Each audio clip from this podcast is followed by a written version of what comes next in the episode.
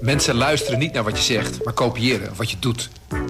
Onze vitaliteitsexpert Martin Hersman helpt je te focussen op wat echt belangrijk is. Beluister en bekijk Martin of een van onze andere experts op businesswise.nl. Businesswise, het nieuwe platform voor iedereen met ambitie. Goedendag, dit is het nieuwsoverzicht van de Stentor. De gladheid in Nederland heeft gisteren en vannacht tot problemen geleid met ongeveer 500 ongevallen op de snelwegen en drukte bij de meldkamers van hulpdiensten. Rijkswaterstaat heeft 13 miljoen kilo zout verspreid over een afstand van 140.000 kilometer om de wegen begaanbaar te houden. Code Oranje eindigde vanmorgen om 6 uur ochtends in de laatste provincies.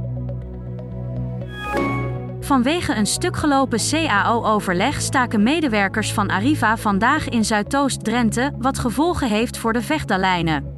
Dat betekent geen treinen op de trajecten Zwolle-Emmen en Almelo-Hardenberg. De stakers eisen een loonsverhoging van 10% en regelingen om de werkdruk te verminderen. Arriva raadt reizigers aan om vandaag ander vervoer te gebruiken. Morgen zullen de treinen volgens dienstregeling rijden.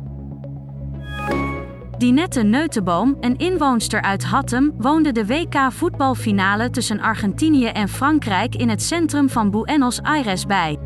Zij beschrijft de feestvreugde als een gekkenhuis. Vreugde en blijdschap sloegen plotseling om in een grafstemming toen Frankrijk twee doelpunten maakte, maar uiteindelijk kwam dat tot een ontlading toen Argentinië de wereldtitel veroverde, beschrijft zij de sfeer. Deventer neemt haar eigen verleden met betrekking tot slavernij onder de loep. Dit gebeurt na een publicatie in de Stentor waarin bleek dat het stadsbestuur en gewone Deventenaren een rol hadden in de slavenhandel. Deventer vraagt de Overijssel Academie in januari te beginnen met een voorstudie. De verwachting is dat er dan nog een nader onderzoek komt dat qua kosten geraamd wordt op tussen 60.000 en 100.000 euro. Er zijn regelmatig ongelukken op het kruispunt van de Zonnewende en de ontvangst in Apeldoorn. Bewoners geven aan dat de verkeerssituatie onoverzichtelijk is en dat zowel automobilisten als fietsers niet goed opletten. De gemeente wil nu kijken naar snelheidsremmende middelen en duidelijkere verkeersborden.